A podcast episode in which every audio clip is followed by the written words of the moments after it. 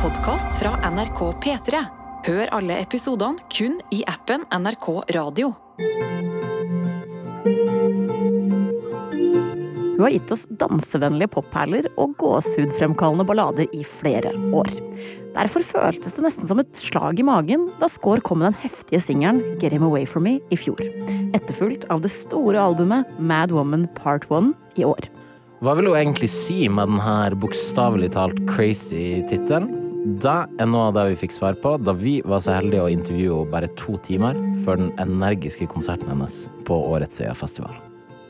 Vi fikk også snakka med henne om hvordan man finner plassen sin som artist når man kjenner på tvil og dårlig selvtillit. Og ikke minst om hennes egen vei inn i musikken.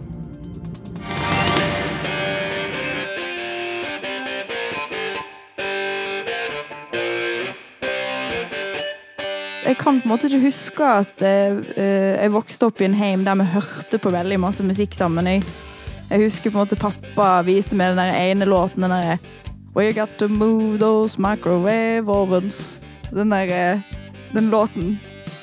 Den Dire Straits! Straits! Dire Straits. Veldig bra. Ding, ding, ding. We got to install microwave ovens, custom kitchen deliveries.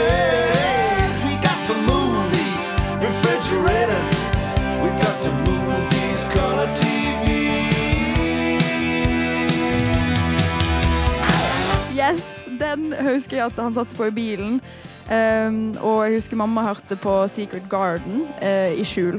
Uh, og så husker jeg at uh, søsknene mine hadde liksom, de, hadde, var på hvert sitt rom. De er ganske mye eldre enn meg, så de var liksom tenåringer da jeg vokste opp. Så jeg husker at når jeg fikk snike meg inn på deres rom, da fikk jeg liksom høre deres musikk. Søsteren min elsker Coldplay og Florence and the Machine. Og broren min elsker Foo Fighters og litt sånn eh, Queens of the Stone Age og sånn. Eh, så når jeg ble litt lei av den ene musikken, gikk jeg inn på det andre rommet, og så switcha jeg litt, liksom. Og så av og til litt sånn Secret Garden i skjul med mamma.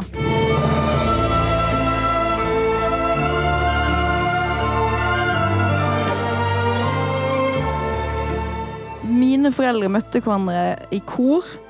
Eh, så de har liksom sunget til meg veldig masse i oppveksten. Eh, og jeg har hørt at eh, mine to søsken og mamma og pappa eh, sang på en måte firstemt godnattsang til meg når jeg vokste opp. Så jeg tror det er der det starta. Det tror jeg er ganske unikt, faktisk. Firstemt nattasang. Ja, man kan jo nesten ikke unngå å bli artist, da, jeg tenker jeg, eller sånn å ha musikk i livet sitt. Men hvordan starta du med å synge sjøl og lage musikk sjøl? Jeg tror jeg bare alltid har eh, sunget masse fordi de har sunget. Jeg må sunget en del hjemme på, liksom på tull og sånn. Så jeg hørte at jeg sto i barnehagen på en stol hver lunsj hver dag og sang folkemusikklåter. Så da gjorde jeg liksom hele barnehagen. Og så når jeg kom på barneskolen, da begynte broren min å lære seg å spille gitar. Og jeg syntes han var den kuleste i hele verden, og ville da begynne å spille gitar. Og så hang det bare sammen med å synge. Fordi jeg syntes det var enklere å synge og spille gitar enn å bli veldig god på bare gitar. Det syntes jeg var litt slitsomt. Man trenger ikke å bli så god på gitar hvis man synger samtidig, er det det du Ja, Men så eh, musikkdrømmen i starten, handla det mest om å synge, eller var det noen andre ting også som var inni miksen der? Det starta absolutt med at jeg bare hadde lyst til å synge. Um, jeg er jo på en måte Hanne Montana-generasjonen. Uh, så når jeg fikk meg Disney Channel uh, i fjerde klasse, så så jeg på det hver dag før jeg skulle på skolen.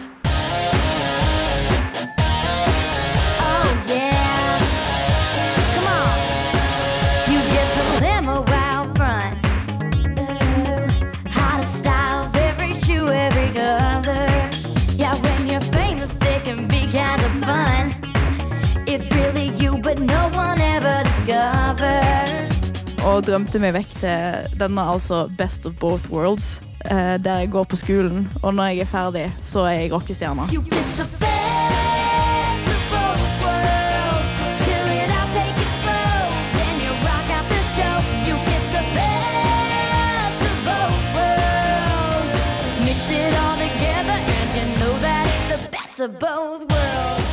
Og da skjedde jo på en måte da, på sikt til slutt.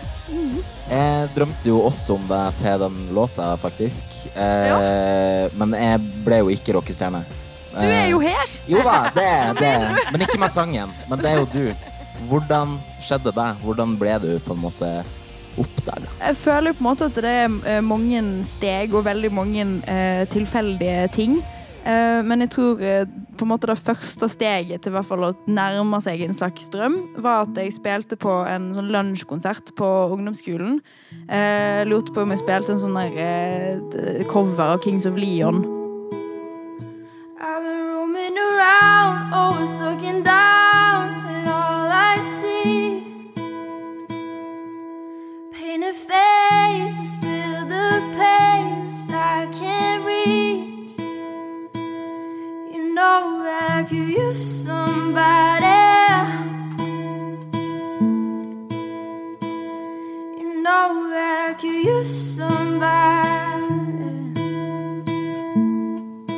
Og så var det en fyr som så meg spille den låten der, eh, som var ett år eldre enn meg.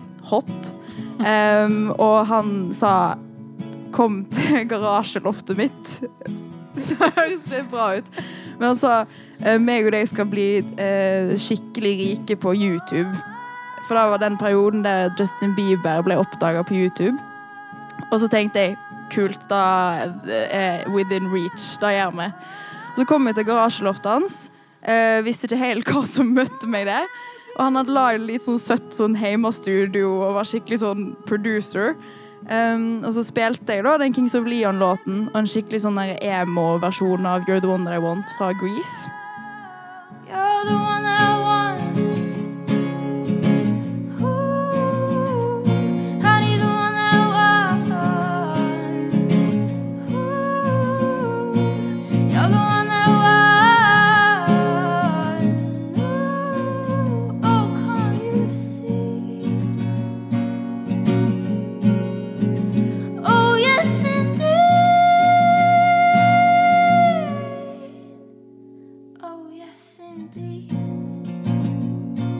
Og så tror jeg at uh, det fikk veldig lite views, og vi tjente ingenting på det. Så jeg må jo skuffe han med det, da. Uh, men det var én person som så det, og det var min uh, gamle manager. eh, som eh, jeg fikk lov å begynne å jobbe med.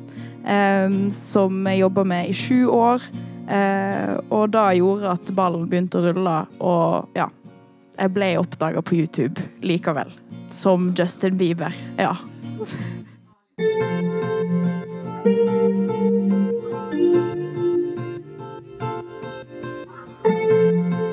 Og som Skaar sjøl sier, så begynte ballen virkelig å rulle. For når hun i 2018 slipper sin aller første solosingel, Higher Ground, så blir det startskuddet for en karriere full av hits og prisnominasjoner på annet Spellemann, Bylarm og P3 Gull. Hun ble til og med invitert med til Chile av kongefamilien for å representere norsk kultur. Da er du greit suksessfull, si.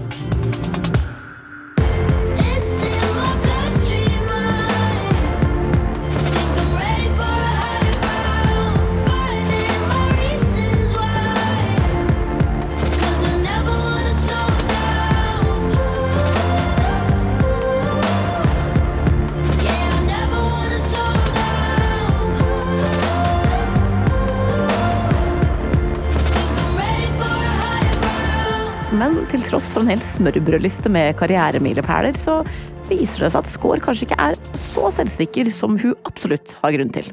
Nei, for i august i år så slipper hun ei låt hvor hun synger om sin egen redsel for å bli avslørt som ikke god. Og den her, for mange av oss veldig gjenkjennbare tilstanden, har også gitt tittelen på låta, nemlig Imposter Syndrome.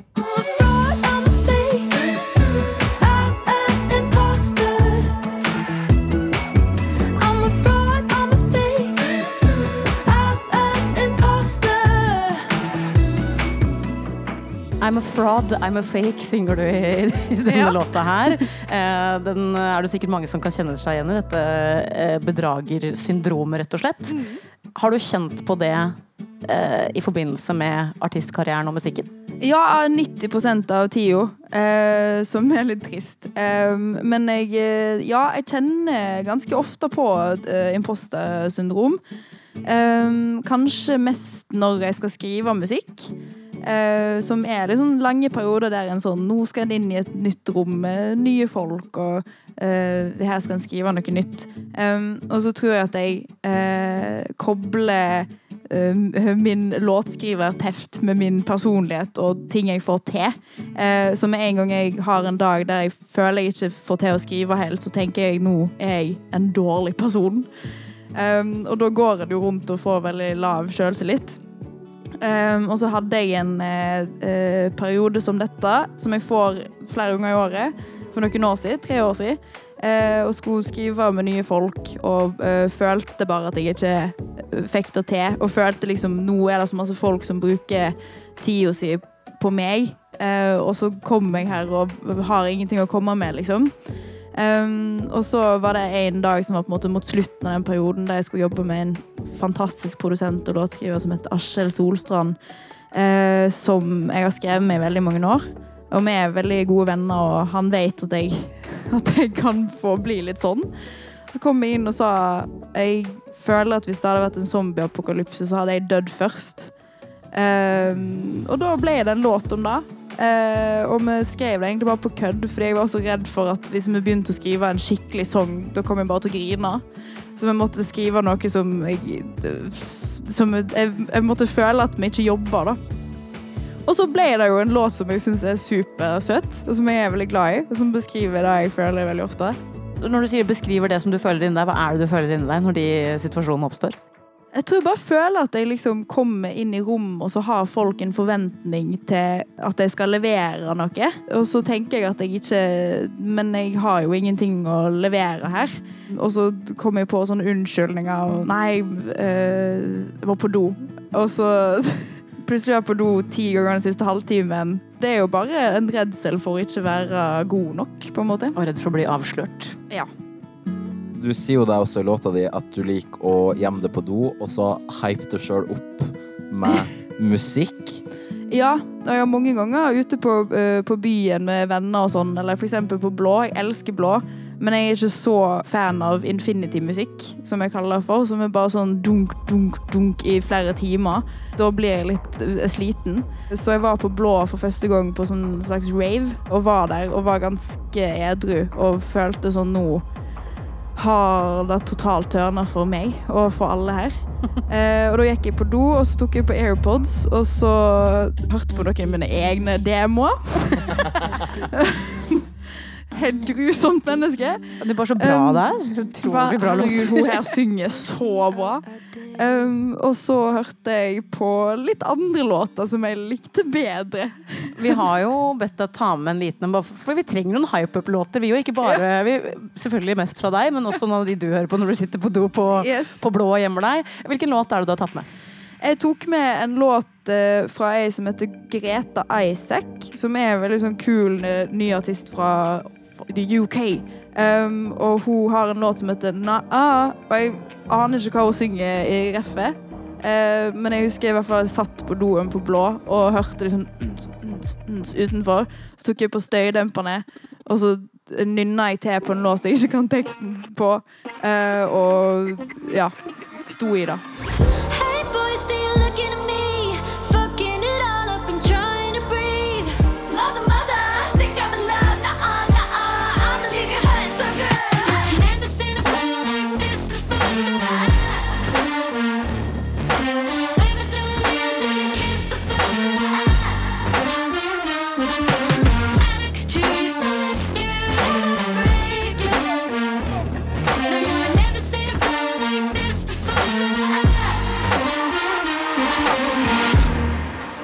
Det er lett å se for seg det her, altså.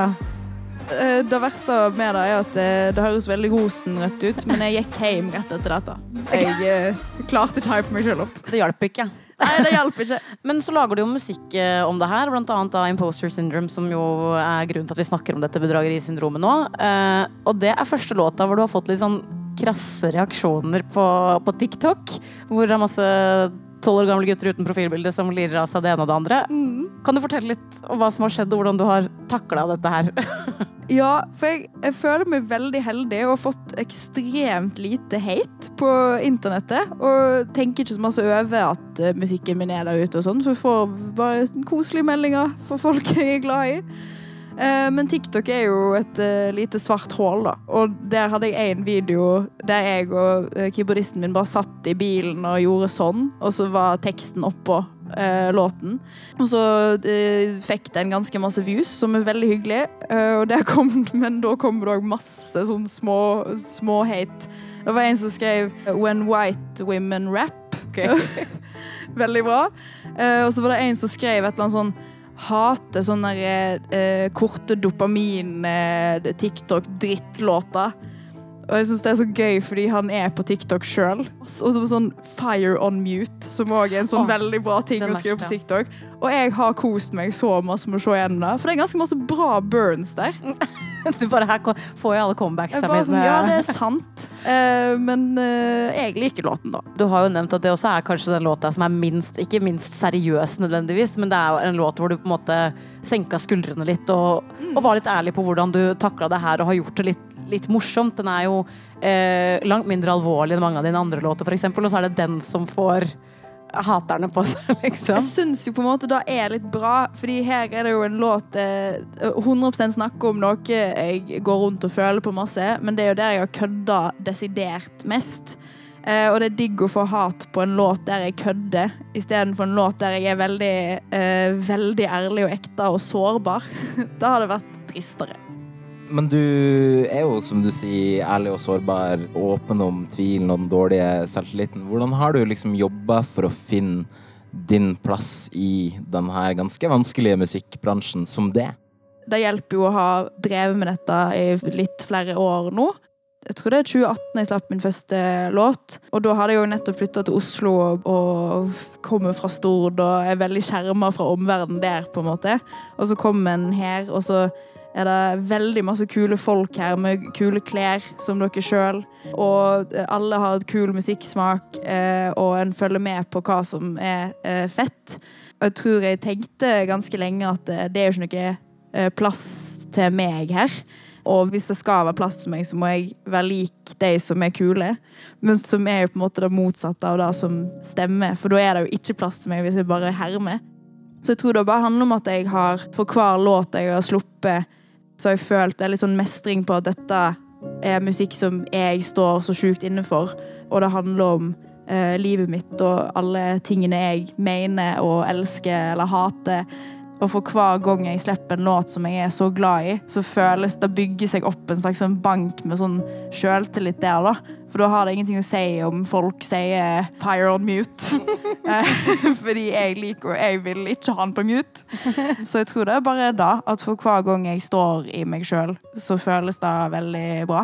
Har du liksom et øyeblikk du kan nevne hvor du eh, innså at jeg har ikke noe lyst til å prøve å være sånn eller sånn, eh, jeg vil bare være meg sjøl i dette? Ja, rett før pandemien, i desember 2019, to be exact, så hadde jeg en sånn der eh, fotoshoot til en eh, EP som jeg skulle slippe, min aller første EP.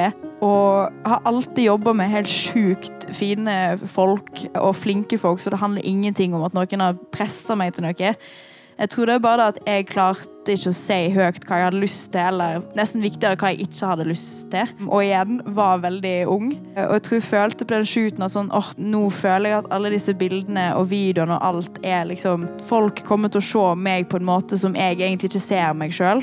Og da tror jeg jeg hadde følt på hele det året òg at sånn fordi jeg ikke har klart og tørt å ta den kontrollen, så føler jeg nå at andre har et sånn helt annet inntrykk av meg.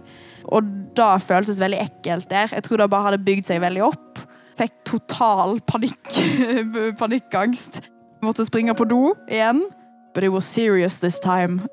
Satt der inne, ringte manageren min og grein. Ringte mamma. Slutta shooten tidlig. Eh, og da bestemte jeg meg bare for OK, nå, nå må jeg bare ta en periode der jeg gjør ting sjøl. Og, og bare bestemmer 100 sjøl ingen sånn der sminkeopplegg. Så da reiste jeg hjem og tok en shoot i pappa sin gamle sånn barndomsheim. Sånn skikkelig sånn 70-tallsopplegg. hadde ullgenser på meg og fiksa meg sjøl og hadde bare venner med meg. Og jeg følte det liksom bygde meg opp til å føle meg litt mer trygg på at måten andre ser meg, er i hvert fall sånn jeg føler at jeg ser meg sjøl. Can't tell what you're thinking. Throw it out in the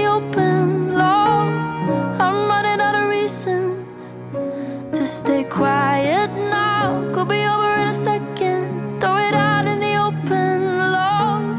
I'm running out of patience. You're so quiet now. Hva tror du er den største forskjellen på score da og score nå? Oi. um, livserfaring, ass. Eh, på tre år. Nei, jeg, ehm, jeg, jeg tror egentlig det bare handler om at eh, jeg har gjort det litt mer. Gjort meg ganske mange erfaringer. Og kanskje har en litt annen motivasjon nå enn jeg hadde da. Som sagt så hadde jeg jo bare lyst til å være Hanne Montana før. Dreit i låtskriving, egentlig. Og tekst. Ville bare være kul.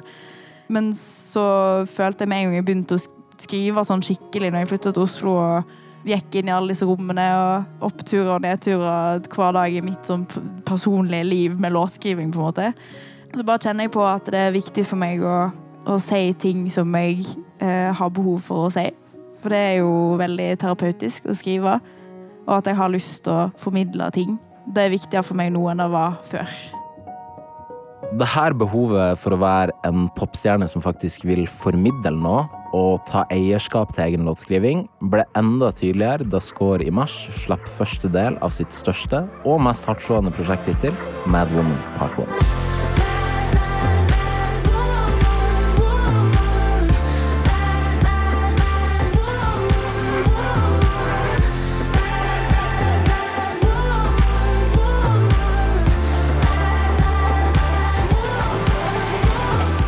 Og med den tittelen så er det jo umulig å ikke lure på hvorfor hun vil kalle albumet sitt eh, noe som kanskje mange har negative assosiasjoner til. Når en kaller et album for Mer dommen, så høres det veldig sånn ekstremt politisk ut. Eller veldig sånn 'Nå har jeg slått et slag for alle kvinner i verden'.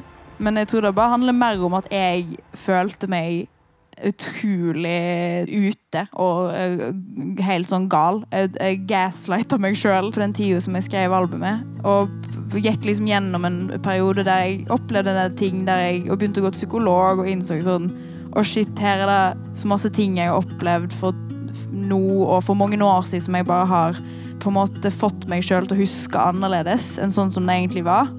Litt fordi at det, jeg tror det er enklere for folk å endre seg sjøl enn å endre verden. på en måte. Hvis du endrer måten du opplevde en situasjon, så gjør det jo på en måte ikke, trenger det ikke gjøre vondt. Så jeg tror det bare var en periode der jeg følte meg helt sånn gal. Jeg kunne liksom ikke stole på eh, hvordan jeg opplevde en situasjon, eller hvordan jeg, tenkte på en måte at alle andre sin opplevelse er mye mer valid enn min versjon. Så derfor ble jeg det på en måte mer dommen, da. For jeg følte det bare beskrev, det beskriver hele det albumet, og den reisen med å liksom finne fram og tilbake til magefølelsen, og være litt sånn OK, men jeg opplevde det sånn, og det står jeg i, og det trenger ikke være noe galt i det, på en måte. No, I've never known. I've only known the perfect hiding spots to find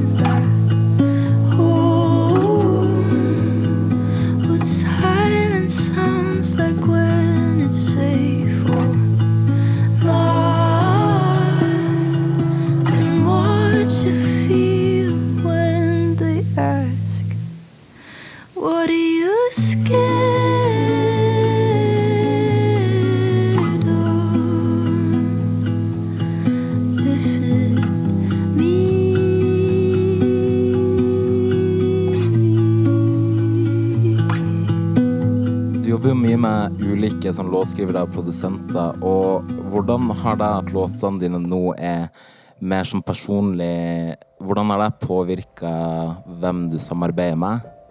Godt spørsmål. Jeg føler jo på en måte at jeg har på dette albumet spesielt hatt veldig behov for å skrive med folk som jeg kjenner ganske godt.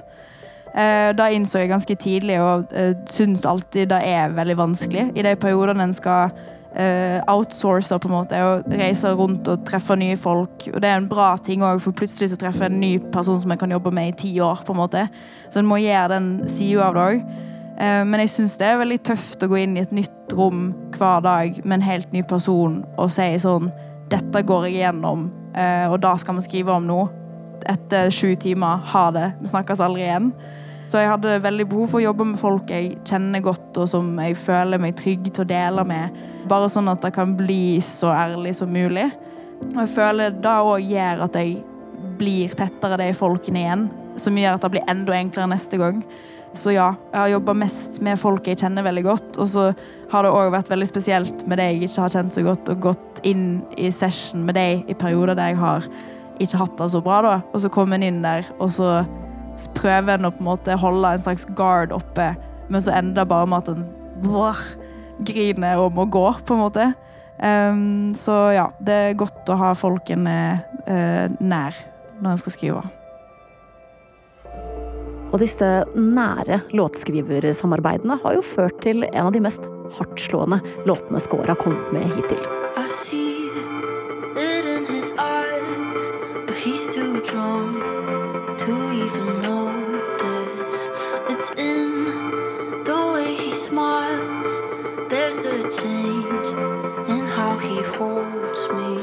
Say love,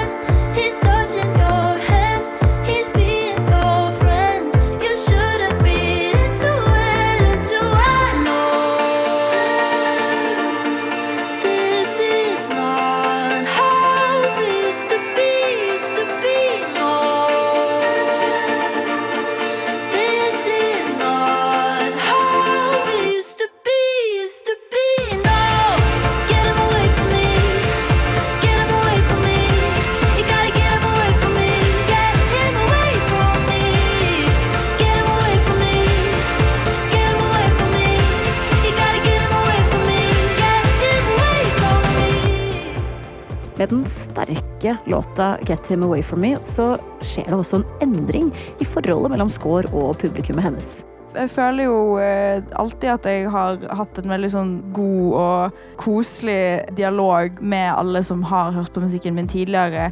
Og igjen føler jeg alltid at jeg har vært ærlig i låtene mine. Men jeg tror når den låten kom, at eh, jeg merka en veldig switch i innboksen min. Og at eh, det kanskje begynte å bety litt mer for folk. Og jeg merker det veldig på konsertene. Jeg merker det eh, det siste året at eh, en ser litt ekstra godt i publikum om det er noen som har gått igjennom noe lignende. Og så syns jeg det er veldig sånn tøft å snakke om, men det er òg veldig Ja, det føles bare så sjukt sånn fint sånn fellesskap. At vi står der sammen. Og en trenger ikke si noe mer enn at en bare synger den låten, og så vet vi, på en måte. Det syns jeg er veldig fint.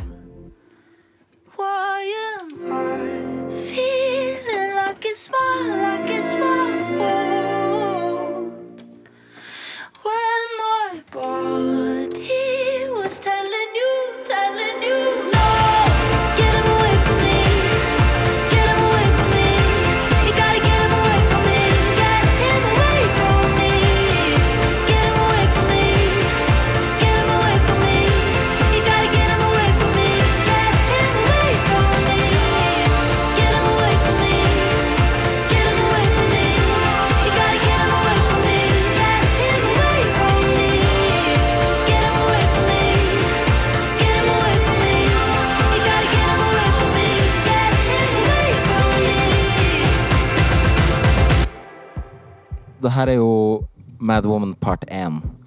Og så kommer det jo en part 2 òg, om ikke så lenge. Eh, hva kan du si oss om den?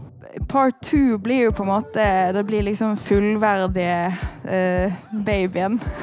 babyen med alle lemmene, holdt på å si. Det blir en fullkomne plate.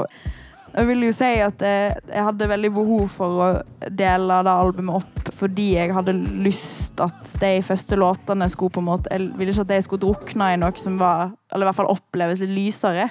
Jeg hadde lyst til at det skulle stå for seg sjøl, eh, og at den skal få med seg, da. Og så blir på en måte del to litt lysere igjen. Men jeg er jo veldig glad i det sånn der eh, dancing while crying music. Så det blir en del av det. Og så pleier jeg å liksom tenke Eller jeg innser at jeg skriver enten veldig sånn dramatiske, depressive låter. Men litt sånn dansbare. Eller litt sånn der Nå skal vi opp igjen fra gropa. Og det er det som kommer nå. Nå skal vi opp igjen fra gropa, inn i høsten og mørket. Det er lys i enden av tunnelen her. Det er det.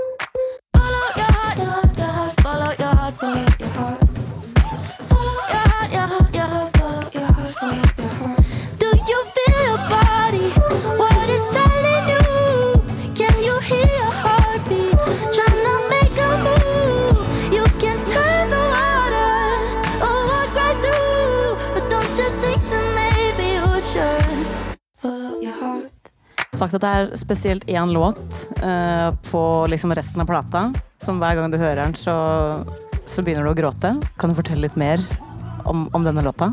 Yes. Det er en låt jeg skrev i forfjor, tror jeg det var, rett før sommeren. Og da er fokustracket på, på flata. Og den har liksom blitt en sånn herre ja, jeg tror det er en låt jeg kommer til å høre på eh, hver gang jeg har en litt sånn imposter syndrome-periode, eller eh, tøff periode, for det er, eh, det er en låt som handler om eh, at verden på en måte eh, venter på deg eh, etter en sånn periode. For jeg, jeg tror det er veldig mange som, som går gjennom ganske masse kjipe ting, eller går gjennom depresjon, eller kjenner seg engstelig og plutselig ikke tør å se vennene sine, eller at en går gjennom en ganske sånn tøff loop i hodet.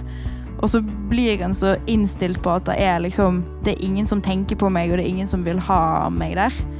Um, men så er denne låten på en måte en sånn Det er verden som sier til deg at jo, vi vil ha deg der. Vi vil ha deg tilbake, og du er veldig savna. Uh, så den heter Come Back to Life, um, og den blir jeg rørt av.